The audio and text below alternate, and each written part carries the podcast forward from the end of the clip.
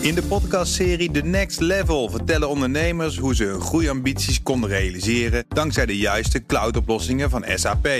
Wat waren de uitdagingen, de oplossingen en hoe ging de uiteindelijke implementatie? Benieuwd naar hun verhalen en hoe zij met behulp van SAP ook hun toekomstige ambities kunnen behalen? Luister de podcast The Next Level via de BNR-app of je favoriete podcast-app.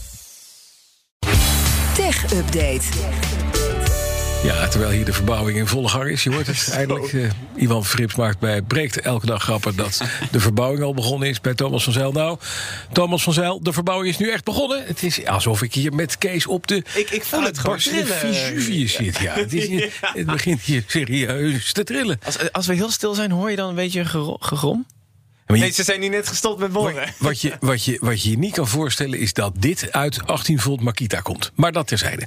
Conor Klerks, goedemorgen. Goedemorgen, Bas. Doorbraak op de chipmarkt voor smartphones. Hè? En afkomstig van IBM. Van IBM, ja. ja. Um, die hebben namelijk een, uh, een, nieuwe microchip aangekondigd. Een 2 nanometer microchip. En die zou sneller, efficiënter, krachtiger en kleiner uh, moeten zijn dan waar we eigenlijk nu aan gewend zijn.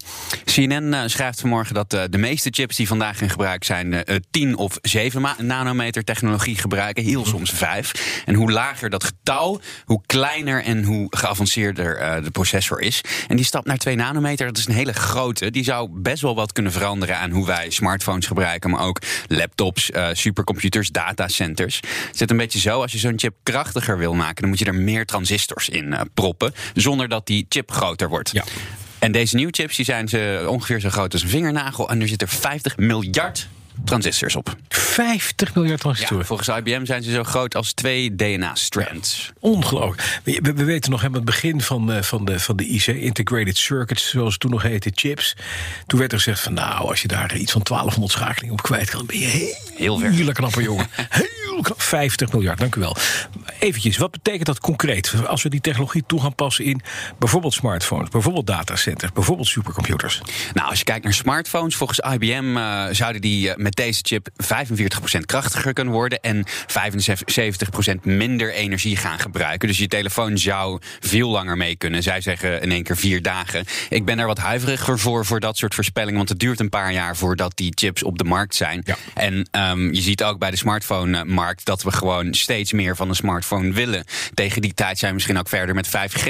Dus om een, een batterijvoorspelling eraan vast te hangen, dat vind ik een beetje lastig. Maar ze worden dus wel um, met deze chips wel echt veel uh, krachtiger. Dus je kan, kan veel snellere toepassingen uh, gaan draaien. Laptops die zouden ook uh, veel sneller kunnen worden. En datacenters die zouden een stuk efficiënter kunnen worden met energie. En dat zou mooi zijn, want die datacenters die hebben een, een enorme verbruiken carbon, footprint. Ja. Ja.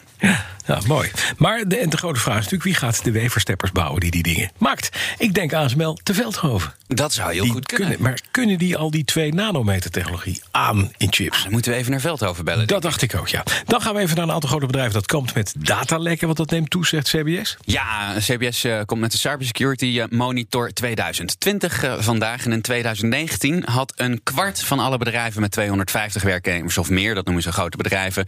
te maken met een datalek waarbij intern uh, iets fout is gegaan. Een interne incident de oorzaak was. In 2016 was dat nog 17 procent. En als ik zo even een gokje mag wagen, is het in 2021 nog verder opgelopen. Want we zien eigenlijk alle cybersecurity dreigingen en incidenten toenemen de laatste tijd. Ja. Maar terug naar de feiten, wat we echt weten. De meeste datalekken die gebeuren in de zorg en in de IT. En de grote bedrijven die hebben relatief meer te maken met uh, datalekken. Daar is volgens, de, uh, volgens het CBS de stijging ook het hardst. Nog even kort naar Apple iOS-gebruikers. Want die zijn niet bepaald happig om apps toestemming te geven voor reclame-tracking. Nee, sinds kort is uh, ja. iOS 14.5 uit en er zit een nieuwe functie in. App Tracking Transparency noemt Apple dat. Heb je misschien al gezien. Bij sommige apps heb je nu een pop-upje gekregen als je hem opent. Uh, waarbij je toestemming wordt gevraagd om jouw uh, data, om jou, jou te kunnen volgen voor reclame-toepassingen. Uh -huh. En Facebook die was daar al bijzonder pissig over, vertelde ik je eerder dit jaar. En dat blijkt niet onterecht, want daar verdienen ze natuurlijk heel veel geld mee. En Apple Insider schrijft vanmorgen hoeveel procent van de gebruikers in Amerika daadwerkelijk toestemming geeft daarvoor. Wil je een gokje wagen? De 2 procent. Ja, ik denk, ik denk uh, 20 procent. 20 dat vind ik nog wel meevallen. Je zit veel, veel dichterbij, Bas. Ja. Dus 4 procent. 4 procent? Dus 4 procent. zegt... Nee, dat zie je wel. Dat is het. Ik dacht het al. Dat dacht ik al. En als je dus, uh, zoals Mark Zuckerberg bijvoorbeeld, je geld verdient met online uh, advertentie en het volgen uh, van mensen, ja, dan zul je misschien toch wat aan je businessmodel moeten gaan doen. Dat zou ik doen. Ja, hebben alle apps zo'n gehoor gegeven van de nieuwe regels van Apple? Nee, nog lang niet. volgens Apple Insider zijn er zo'n 10.000 apps die zo'n pop-up nu in, in hun app hebben toegevoegd. In naar schatting zijn er 2 miljoen apps in de App Store. Dus ja, dat aantal zal wel nog oplopen de komende tijd. Dat zit er dik in. Dankjewel, Oh, de BNR Tech Update wordt mede...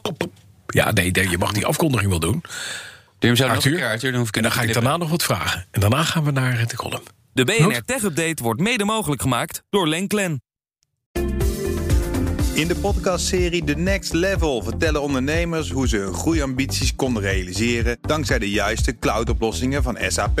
Wat waren de uitdagingen, de oplossingen en hoe ging de uiteindelijke implementatie? Benieuwd naar hun verhalen en hoe zij met behulp van SAP ook hun toekomstige ambities kunnen behalen? Luister de podcast The Next Level via de BNR-app of je favoriete podcast-app.